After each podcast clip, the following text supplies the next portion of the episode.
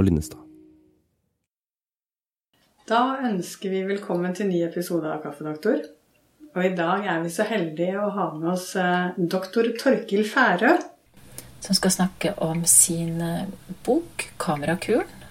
Velkommen. Takk for det. En gammel Så. studiekamerat. Ja, vi har jo gått på samme kull. Ja, ja.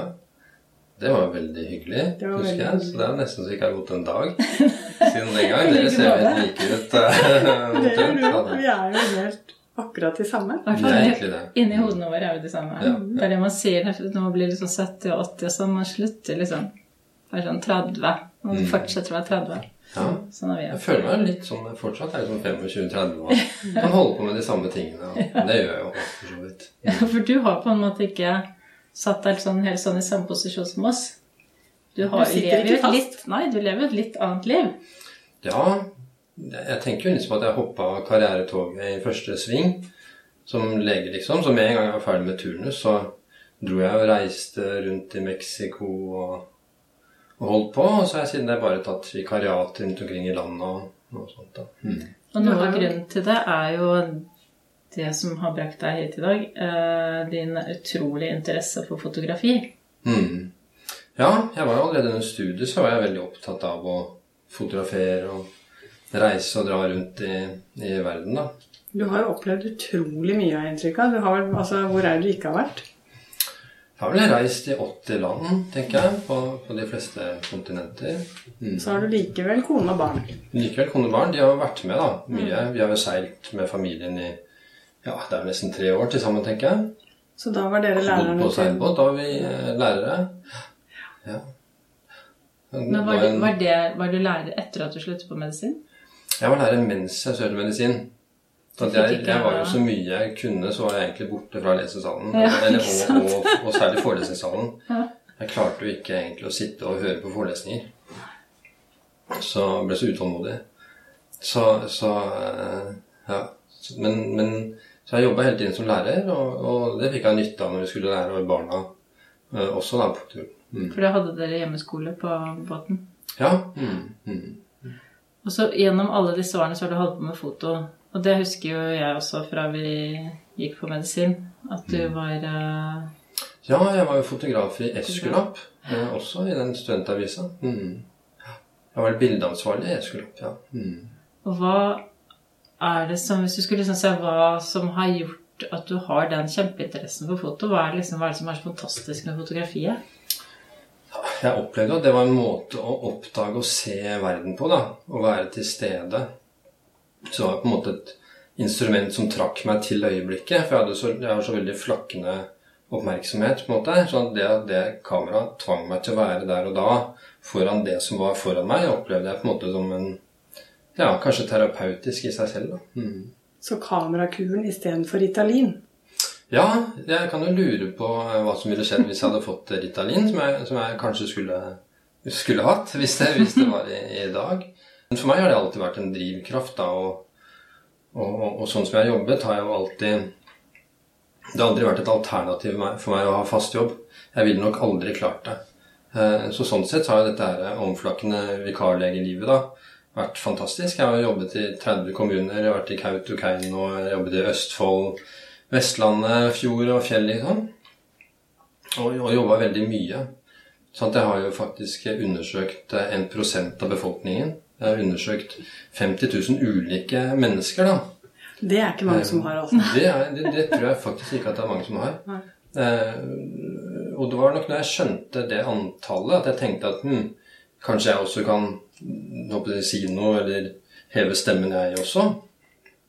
For jeg hadde jo tenkt at, at jeg hadde kjørt av dette her karrieretoget ikke sant, eh, med en gang. Og hadde aldri tenkt at det jeg lærte, kunne brukes av andre enn meg. Eh, men da, da, da, kom, da tenkte jeg det at her er nesten et slags ansvar for å For jeg har lært utrolig mye av å se så mange forskjellige pasienter og i så mange situasjoner. For at særlig som legevaktslege så er det jo der det skjer, på, på godt og vondt. Altså du gjør alt fra å trekke ut fliser og fiskekroker til å, å trøste foreldre etter at barna har tatt selvmord, på en måte. ikke sant? Og, så du, du opplever jo utrolig mange sider ved livet. da. Og så ser du jo også mye om hva som gjør folk syke. Eh, og så hadde jeg den der koblinga til fotografi. Da, for jeg, jo, jeg, brukte jo like mye tid på å være på fotokurs og etter hvert å holde fotokurs. Så jeg vekslet mellom det å oppleve pasienter og deres verden, og til fotografer og deres verden. Og etter hvert som jeg kunne dra fra det ene til det andre bare i løpet av noen dager, så plutselig så ble den forskjellen så stor. Forskjellen mellom, eh, forskjellen mellom pasientene mellom, Sånn som da særlig de kroniske pasientene eh, tenkte og handlet, og sånn som fotografene tenkte og handlet for å få tak i bildene. Så på, på, fotokurs så opplevde vi at folk sto som tente lys og spiste blyanter og bare hadde betalt mye for å komme et sted. Det, det hadde jeg også gjort når jeg var på fotokurs. Og, og, ville ha råd til hvordan skal jeg bli bedre. Fikk råd. Testet ut rådet. Funket dette for meg eller ikke? Og så opplevde jeg at Og, og vi var jo friske folk. Gode, gode folk, på en måte. Vi ville bare bli bedre. Og så kunne liksom dukke opp på legekontoret uka etter, og så opplevde du folk som hadde det dårlig. Som, som slet stort, og som trengte råd. Og når du kom med råd, så Jeg vet ikke om dere har samme erfaring, men det er ikke veldig velkomment. Så blir det ikke alltid like godt tatt imot. Det er ikke noe applaus når du kommer med råd. Det er noe med råd. Da sier man noe om at dette eh, kan du påvirke selv. Og da har man jo plutselig skylden oppi det, ikke sant? Ja, eller ansvar. ikke sant? Og der, nettopp, ja, og der hvor fotografen tok ansvar for egen utvikling, så opplevde jeg ofte at pasientene ikke tok samme ansvaret. De ville at jeg skulle ta ansvaret, eller de skyldte på omstendigheter for at de var i den situasjonen som de ikke kunne komme seg ut av. Og hvis, du, hvis jeg da ga råd som var helt åpenbare, og, og jeg i min verden hadde aldri opplevd denne måten å tenke på Du kunne få høre f.eks. at ja, det er lettere sagt enn gjort. Eh, det er lett for deg å si. Eh, sånne ting. Sånn som aldri hadde vært en del av, av, min verden, da. Du sier ikke det på Du får ikke den på fotokurset? Det er lett for deg å si. På, ja, du får ikke den på fotokurs på en måte. Eh, og, og, og, på fotokurs, hvis du skal ordne opp i noe, så, så er det ikke noen pille å, å, å, gi deg. Du er nødt til å, å ta tak i dette og finne ut hvordan du skal løse det. Eh, og, og, så begynte jeg etter hvert å tenke Og på fotokurs så opplevde jeg ofte at, at folk sa, når de skulle presentere seg Jeg bruker fotografi som terapi. Og, og, og, hørte det gang på gang på gang, mange ganger. Og da etter hvert så begynte du å tenke ja, men kanskje det stemmer, det. Og kanskje det går an å bruke fotografi mer aktivt som terapi. Eh, mer enn det som, som eh, jeg hadde tenkt eh, før, da. Så jeg kom på at de rådene som jeg prøver å gi på fotokurs, som jeg har holdt 60 stykker av rundt omkring i, i hele verden, i 11-12 land, de rådene er egentlig de samme rådene som jeg prøver å gi pasienten på legekontoret. Og da tenkte jeg, kan dette være en form for snikterapi? Kan jeg liksom, Gjennom det å ta bilder kan du lære deg mestringsteknikker gjennom det å fotografere. Og det var det som ble kamerakuren, da. Sånn at du kan si at eh, kamerakuren eh, er egentlig en måte å skape fleksibilitet i nervesystemet sitt på. Altså alle deler av hjernen. Altså både den intellektuelle delen, at du må tenke deg om, eh, og den følelsesmessige delen.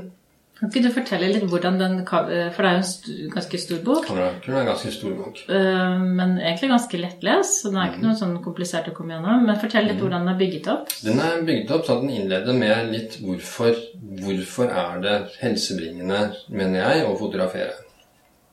Og det er fordi at det tilfredsstiller jeger-samlerinstinktet vårt. Vi er lagd for å være ute og jakte og samle og lete etter ting og finne dem. Som Lina elsker. ja, vi har et instinkt for det, eh, og, og, og, dele det med andre. Så når vi gjør det på fotokurs, jakter, samler, viser andre det og får tilbakemeldinger, så gjør vi egentlig det som vi evolusjonsmessig sett er lagd for. Så det er én ting. Så i prinsippet så kan man bare sagt at dette er terapeutisk, gå ut og fotografer. Uh, så, men så er det også en bok i mestringsteknikker. Det er, en, den er delt inn i fem deler. Hvordan du kan bruke det å fotografere for å bli bedre til stede i øyeblikket. Eh, hvordan du kan bruke fotografi i neste bolk. da, Hvordan du kan bruke fotografi til å bli mer handlekraftig. Gripe øyeblikket, ta avgjørelser. Og så er det elleve oppgaver videre om det å vurdere det du har gjort. Eh, hvordan fungerte dette her jeg gjorde. Og så er det elleve oppgaver om hvordan du skal forandre deg. Hvordan kan du endre det du gjør? Hvordan kan du begynne å ta mer ansvar for det du gjør? Eh, og så er det de elleve siste oppgavene. Hvordan kan du bli bedre? Hvordan kan du jobbe for å forbedre deg? Dette kan jo appliseres på alt. Det kan brukes til alt. Og, og sånn at Slik du tar et godt bilde, slik løser alle andre problemer. Så det å ta et godt bilde er et, et et, en lite problem et, i miniatyr er en mulighet i miniatyr. Og slik du løser dette problemet, eller griper den muligheten, det, det kan du bruke på alt annet. Så, det var egentlig det som fascinerte meg litt også da jeg leste den, at du hadde Uh, alle disse kapitlene med alle disse oppgavene hvor du reflekterte over ting som var mye mer enn akkurat det tekniske rundt å ta et bilde, men hvordan du greide å få egentlig den livsvitenskapen over til en fotooppgave. Mm. Det var innmari kult. Ja, ja, ja, ja. det er en annen sånn vinkling, mm. vinkling på det. og som sant? gjorde at man ble skikkelig frista til å begynne å fotografere. Det må jeg bare innrømme. Ja, jeg, har, jeg husker Da jeg satt med den boka, så var jeg ute i skogen og tok masse bilder. Mm. og tenkte på deg. Mm. Så bra. Mm. Og, og, og, særlig ute i skogen. Og det er viktig å være ute i naturen. ikke sant? Sånn at Fotografi, naturlig nok, da bringer med seg bevegelse, ofte natur, ikke sant? Og, og er denne lille stressbelastningen, ikke sant, som, som du kan trene nervesystemet ditt eh, på, da. Men du bygger jo også boka på ganske mye sånn teoretisk, nei, teoretisk viten. Teoretisk viten. Mm -hmm. Så uh, mer sånn à la positiv psykologi, er det ikke? Ja. i den retningen der. Mm, mm. Kan ikke du forklare litt om hvordan du tenker det der med, Jeg husker i hvert fall det, du, det med å fokusere på det som går gærent. da, uh, Være sånn litt negativt søkende uh, i tankegangen. Mm. Så skriver du et eller annet sted noe om at det er jo uh, lett å gjøre. Og det er ikke så lett å si at det skal du slutte med, men du kan begynne å lete etter positive. Ja opplevelser isteden. Ja, ikke fokuser så mye på å liksom fjerne de negative, men fokuser på å berike deg, på mm. addere noe, da. Ja, vi har, jo, vi har jo mange arver fra jegersamlerne gjennom 300 000 år, ikke sant. Og noen av de som har gjort at de overlevde og brakte genene sine videre til oss, er jo et fokus på det som er negativt. Det som truer, ikke sant. Det er, altså, det er mye viktigere å å identifisere den slangen som truet deg, enn å plukke det jordbæret. For at eh, hvis du ikke så den slangen, ikke sant, så døde du, men du kunne plukke et annet jordbær en annen gang. på en måte. Så at vi har dette negative fokuset innebygd.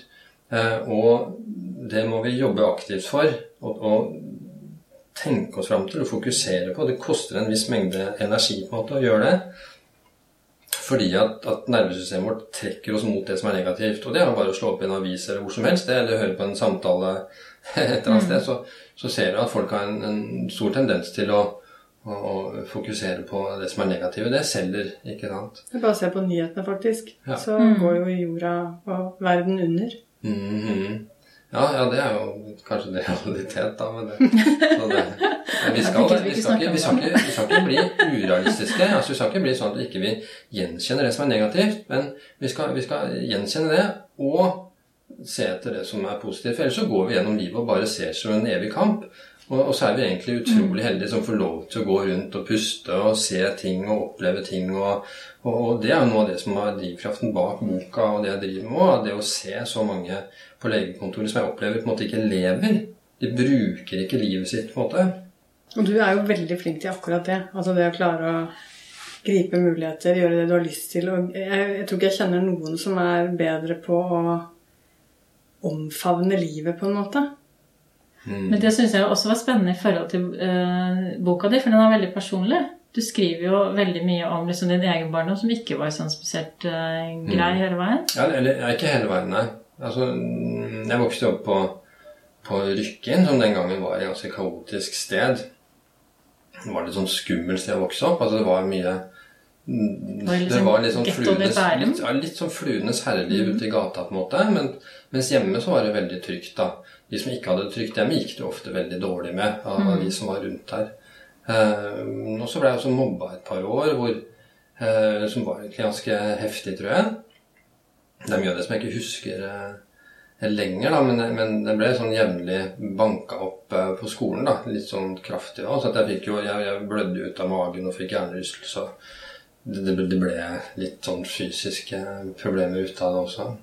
Og, og, og dette at du aldri visste hvor hva som ville skje den dagen. da, Om vil du få bank eller ikke bank. liksom, Denne, denne usikkerheten, mm. den kan jeg også huske, da. Men det var vel sånn at du reagerte med istedenfor å uh, føle deg eh, banka, holdt jeg på å si, eller å eh, bli sint tilbake eller tenke på hevn og sånn, så reagerte du med å tenke jeg har lyst til å skjønne hva som, som driver disse gutta til dette? Ja, ja altså det, det, som er liksom, det, som kanskje er mye av drivkraften til at jeg, jeg tok jo også et år i barne- og ungdomspsykiatri um, var det lengste året i mitt liv, men, men, det, men eh, jeg var veldig interessert eh, i det.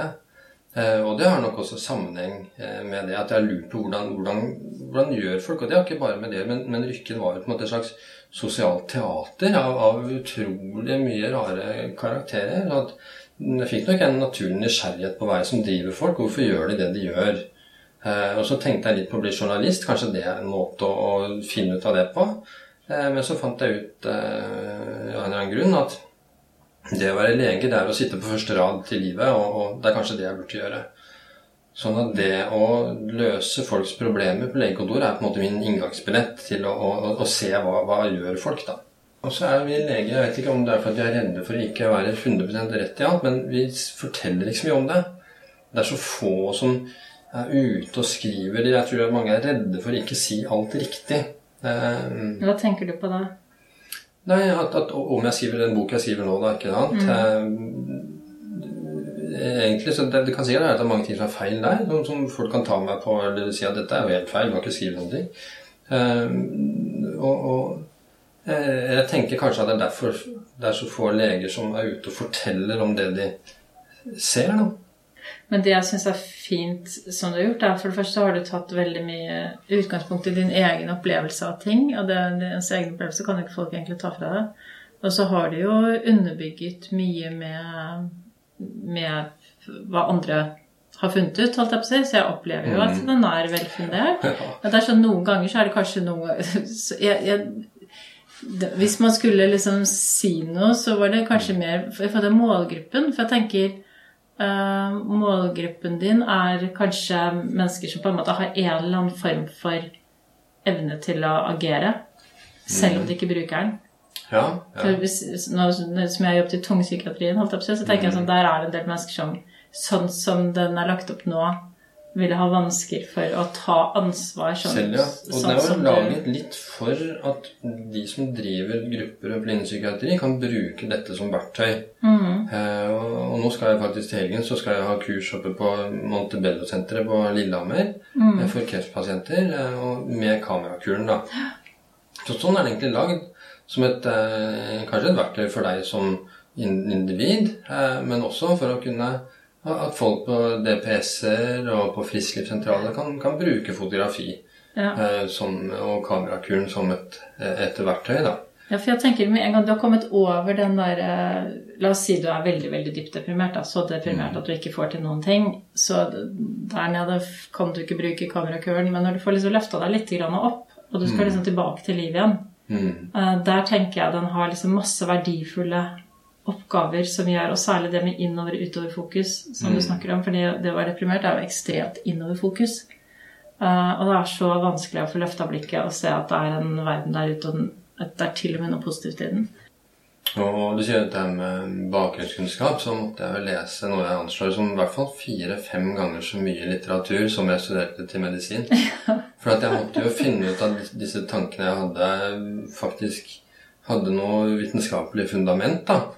Sånn at jeg, jeg har jo lest Jeg stabla bøkene oppå hverandre, liksom. Og det er jo nesten like fire sånne stabler som er nesten like høye som meg. Men jeg syns også det fokuset på det å uh, ikke bare lese en selvutviklingsbok, men faktisk handle, det å gjøre og se Og du snakker også om det med å ha gruppen rundt deg. Og jeg holder på med et annet prosjekt som er kreativ skrivning for psykosepasienter. Og som jeg tenker sånn, det er noe eh, overlapp i metodikken her. Ja. Fordi det er også et sånt prosjekt Vi skal snakke med han senere som har vært med på det da, og drevet det. Men det med å gi folk oppgaver som ikke er liksom primært fokusert på uh, det indre. Sånn som du skriver også om kunstterapi, som ofte har vært sånn Uttrykk følelsene dine ved å lage et bilde av Du må ha det som er inni hodet ditt. Ja. Mm. Og isteden få fokuset ut, Mm. og også tørre å eksponere det du faktisk lager til noen andre, Mm. og få positiv feedback. Mm. Og også få en, at det at det ligger en forventning om at du kan gjøre det bedre. Mm. Jeg tror alle mennesker trenger det. Mm. Og jeg tror vi i psykiatrien veldig ofte er sånn vi klapper på skulderen og du er god nok som du er og sånn. Alle er jo gode nok, det skriver du også. Alle er jo gode.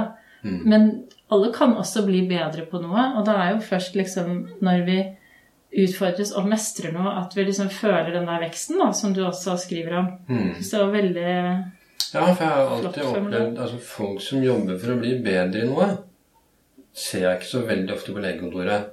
Ja, det er nesten Jeg vet ikke hva dere opplever, men, men de som driver mye med det og er opptatt av det, de er jo nesten vaksinert på en måte mot en del eh, ja, Vi kan ha litt sånn overprestasjonsmennesker vi Ja, det fins ja, absolutt, over, absolutt overprestasjonsmennesker som, som perfeksjonister og, og sånt noe. Så det kan det også tippe andre veien. Mm. Ikke sant? Det er en per per perfeksjonisme som er mye angstdrevet. Hvis det er spiseforstyrrelser eller eh, Mm. Og, og derfor er en av oppgavene i boka er jo at godt nok er best. Mm. At du, du 80% er bra nok. Fordi det, å- for det ser på fotokurs at det å være perfeksjonist, alt skal være helt topp, det, det bare heiser skuldrene og, og gjør resultatet dårligere. Mm. Så du, du, du produserer bedre når du tenker at det go- godt nok er, er bra nok. Så, så blir det best. Mm. Det var veldig morsomt den første historien din. Det første bildet du tok på fotokurs. Ja, ja. Jeg bare jeg snubla og tok eh, bilde, og så syntes Morten Krogvold at dette var jo kjempebra. Du hadde bare stått i flere dager i mørkerommet. Ja, ja. Og jeg var jo Det var så Jeg var jo en veldig dårlig fotograf, egentlig. Altså, jeg hadde jo reist eh, Jeg hadde jorda rundt eh, et par ganger og fotografert og, skjønte hvordan det var å stå foran et fint sted og ta et bilde av det. Men å komme til et sted som Vågå og begynne å, å være kreativ selv, det, det hadde jeg ingen erfaring med.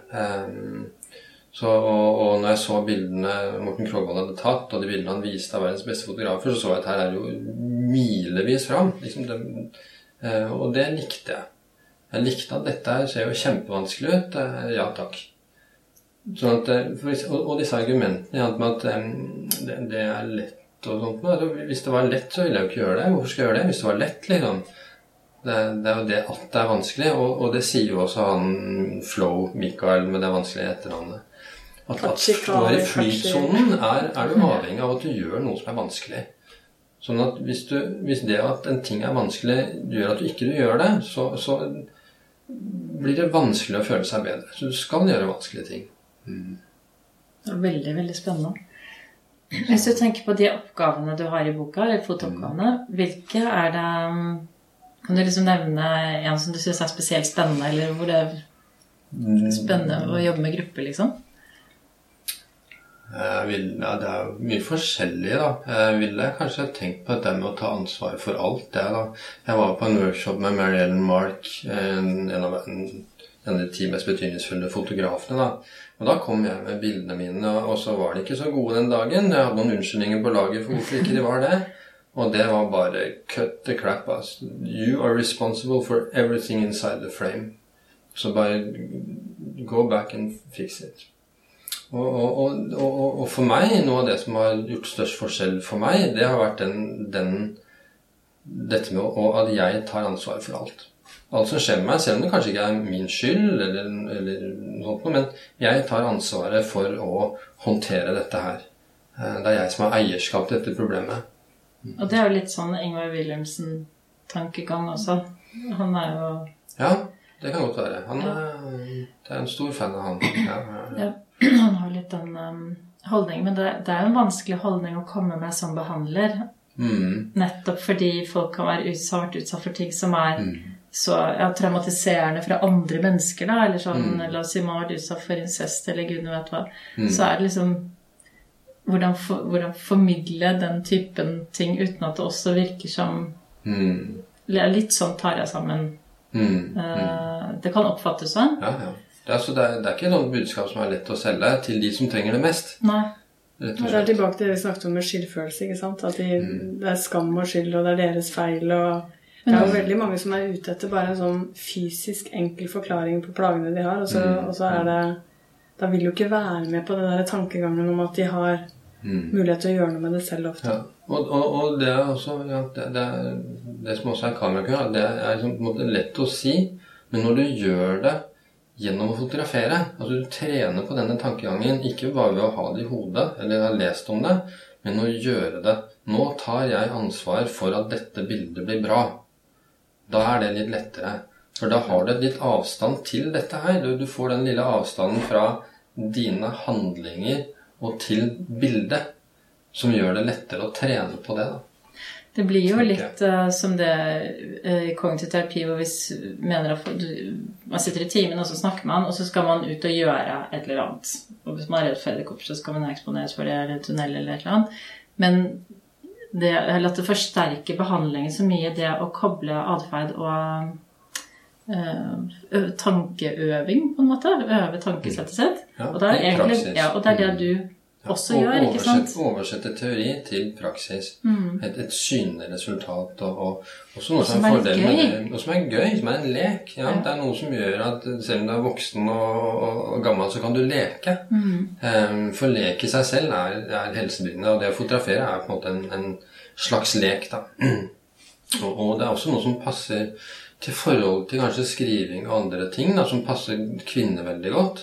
Eh, ofte på skrivekurs vil det være en stor overvekt av kvinner, eller malekurs, eller keramikkurs, eller hva, det nå skal være. Men fotografi, det, det tiltrekker menn og kvinner litt på samme måte. Ja, Så på deres kurs er det sånn På kurs er vi stort sett på 60-40, jeg håper si en eller annen av de eh, retningene. Og, og, og vi ser jo at, at fordi at det å fotografere er på en måte noe som er jaktpreg. Eh, ofte så ser vi også av bildene at, at menn har tendens til å jakte litt på litt øyeblikk og komposisjoner og linjer og litt sånn håper jeg, mannlig eh, konkrete ting.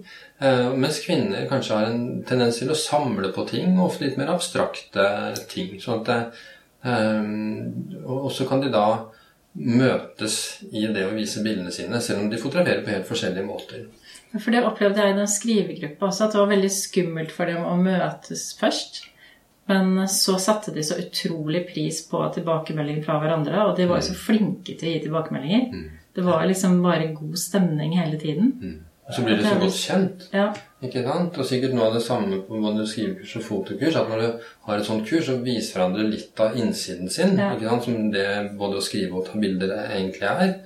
Så, så får man et helt annet samhold, da. Eh, blir kjent med hverandre veldig fort på en veldig sånn ja, intens måte. Så kan jeg vel forestille meg at du som veileder Det er jo sjelden det ikke er noe godt å si om et bilde. Det er alltid noe godt å si om et bilde, og vi, vi ser egentlig bare etter det som er godt, stort sett. Fordi at hvis du ser etter det som er godt, så får du mer av det. Og hvis du ser etter det som er dårlig, så får du både mer av det som er dårlig, men du kanskje mister til og med det som er godt. Det er Pavlovs Sånn at, eh, hunder, dette her. Ja, ja, det, er kan du være. Ja, ja. I for er det sånn som jeg tenker på, så vi ser etter det vi vil ha mer av. Ikke sant? Mm. Og selvfølgelig noe helt er åpenbart er gærent, liksom, em, som, som, som virkelig trengs å, å, å, fokuseres på, ok, så, så gjør man det. Men jeg vil si at vi har 80 em, fokus på det som fungerer. Det er ikke sånn 'her har du ikke noe å gjøre, gå hjem'. Ja, men Hvis vi tenker på skolevesenet, så er det jo utrolig mye i skolevesenet som har drevet av det motsatte, eller opp gjennom tidene. da. Røde streker. Røde streker. Du, liksom, du fikk tilbake oppgaven for hvor mye røde streker det var. Men det, det har jo forbedret seg litt, syns jeg i hvert fall, på de Kanskje. Kanskje av og til. Ja. Og forresten, Jeg husker forresten de ungene hadde en eh, oppgave på skolen på sånn eh, høstutstilling.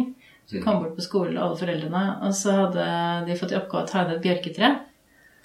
Og da var det en hel vegg med helt like, sånn relativt like bjørketrær. Så var det sånn så underlig at de var så like, liksom. Så var det sånn målbeskrivelse på siden Så sto det liksom hvordan grenene skulle være, liksom, hvordan det ene Mm. skulle være i forhold til det andre. Det var jo en oppskrift på et bjørketre, så det var jo ikke veldig rart at de var utrolig For det er like. det som er så viktig, det å uttrykke seg selv. ikke sant? At, og, og det er jo noe av det første vi gjør på fotokurs. altså dette er med å at hvis, bild, hvis jeg ser at bildet viser noe unikt ved deg, en unik måte å se ting på, så trumfer jo det alle komposisjonsregler eller, eller hva som er riktig. Da. Så at det er jo ikke noe mening i at de bildene vi tar, skal se like ut. Eh, men det ser de ofte ut. Liksom til å begynne med så tar man bilde av det man tror man er forventet til å gjøre, og så etter hvert så dyrker vi litt fram de? Her var det litt mer av deg. ikke sant? Dette her har jeg ikke sett før. Dette er jo kjempebra. ikke? Her, her, skjønner jeg ingenting. Kjempebra. ikke? Så, så, um, og det er den spennende prosessen med, med fotokurs, og at man gjør det sammen. Um, I et slags samarbeid. Det er ikke sant? liksom på skrivekurs at at innspillene kommer fra alle kanter, og man lærer like mye av de andre kursdeltakerne uh, som fra læreren. Og, og den som som regel lærer mest, er jo læreren. Ikke sant? Jeg har jo lært eh, aller mest av å lære bort, på en måte. Fra, både ved å samle tankene og, og, og jobbe med å formidle det selv, men også det som jeg får tilbake av, av tanker og informasjon fra deltakere. Er det noen um, Har du kjørt liksom med For når du kjører fotokurs til vanlig, så har du et opplegg. Er det, det er ikke kamerakuren. Nei, til, vi har, vi har, jeg har vel kanskje hatt fem-seks sånne kamerakuren-fotokurs, men, men håper jeg 50-60 av de vanlige kursene er, har, har ikke så mye det å gjøre, egentlig. Men det på Montebello er er sant? kamerakuren-kurs Så det er først og fremst ja, Synes Og da er det Når du har kamerakuren-kurs, så er det først og fremst for pasienter, eller? Ja, i hvert fall, ja eller, de, eller de som mm, vil det, syns at det høres interessant Ja, ut. for det er, jo, det er jo på en måte et sånn utviklingsaspekt i kamerakuren. Det er jo, du må liksom ha et ønske om kanskje noe endring Ja. i livet ditt for å Mm. Liksom gå gjennom hele. Eller er er det ikke det som er målgruppen? Og så må jeg liksom kunne tenke seg ikke nødvendigvis store endringer, men den der å, å reflektere litt over hvem man er i verden, og hva man gjør, og hvorfor man gjør det. Sånn opplever jeg det i hvert fall. Mm. Men det måtte vært et kjempefint kurs å ha på rehabiliteringssenter, f.eks. Absolutt. Men jeg tenker også blant ungdom, ja. Jeg vet ikke hvor mye du ser på folks eh, Instagram-profil og sånn, men det er jo så mye ja, selfies og vise seg frem og en helt annen type bilder enn det du Ja, ja. egentlig mm. fronter, da. Ja, ta kanskje selvportrett istedenfor selfie. Altså selvportrett som et studie av deg selv framfor en eller annen fasade du vil eh, fronte. da. Så på alle kursene våre så har vi jo selvportrett som en oppgave. Uten filter. Ja, Det er litt uten filter, men også kan de velge selv, og det er det veldig, sitter hardt inne for mange. altså Det å se seg selv sånn som kamera ser det, for det avslører Det sånn som du ser ut, liksom. eh, Eller sånn, sånn som du er. og det så, så eh, folk vil ofte klare å ta bilder uten at det blir egentlig blir synlige bilder. altså. Med å bløre seg ut og være ute av fokus og gjøre seg veldig små og ha kamera foran seg. og Det er utrolig mye fantasi på å unngå å se seg selv, på en måte. Men det er jo veldig læring i det, at man, hvis man gjøres bevisst på hvor mye man jobber med å skjule seg selv. Mm. Ja, ja, Det sier jo mye. absolutt. Absolutt. Men jeg får bare sånne tanker om masse nye prosjekter med dette her. Ja. Mm. Jeg har laget et nytt forskningsprosjekt. Mm. Mm. Jeg vil kanskje snakk om siden eh, Jeg tror det kan være en god idé. Prøve det. også. Litt sånn Og hva da? Nei, så er det som et forskningsprosjekt. Mm, ja. Nå er jeg sikkert verdens dårligste forsker, da, for at jeg er jo kanskje den eneste på medisinstudiet som har levert den medisinske oppgaven på video. For det var jo i Angola og jobbet for Leger uten grenser. Jeg var den første norske som dro for Leger uten grenser i 96. Eh, og, og da skulle jeg samle inn tall og sånt noe. Og forske og finne ut Og jeg skjønte jo ingenting, selvfølgelig. Eh, Men jeg lagde jo videoer. Jeg lagde videodokumentar av mineskader og barna på barneavdelingen. Ja, Det, det døde jo tre barn hver dag omtrent. Natt. Eh, som regel, da. Så jeg lagde de filmene. Eh, og, og til slutt så ga jo han veilederen min opp og sa at du, dette er før ingen vei. eh, men men kan, vi- kan vi sende inn videoen, kanskje? Men det gikk gjennom. Du fikk Men sikkert en knalltilbakemelding på det. Det må jo ha vært kjempemorsomt. Ja, ja, ja. Og jeg likte jo å lage filmen. Og jeg har laget to, jeg har laget to andre Eller flere andre filmer. Altså jeg har laget filmer om å gå fra, fra Oslo til eh, Nidaros, den pilegrimsvandringen. og gå fra Oslo til Santiago de Compostela. Så, og det har jo ført til at mange har gått de veiene etter det. Så det tenker jeg som foreløpig er det, det jeg har gjort som har skapt mest helse. da. Mer enn den én-til-én-situasjonen da på, på legekontoret. Skal vi si uh, tusen takk, da? Mm, Tusen takk til dere. Takk for nå, Torkel. Veldig hyggelig å se deg. Hyggelig å være sammen med dere. Ja. Livet er ikke det verste vi har. Og om litt er pulverkaffen klar.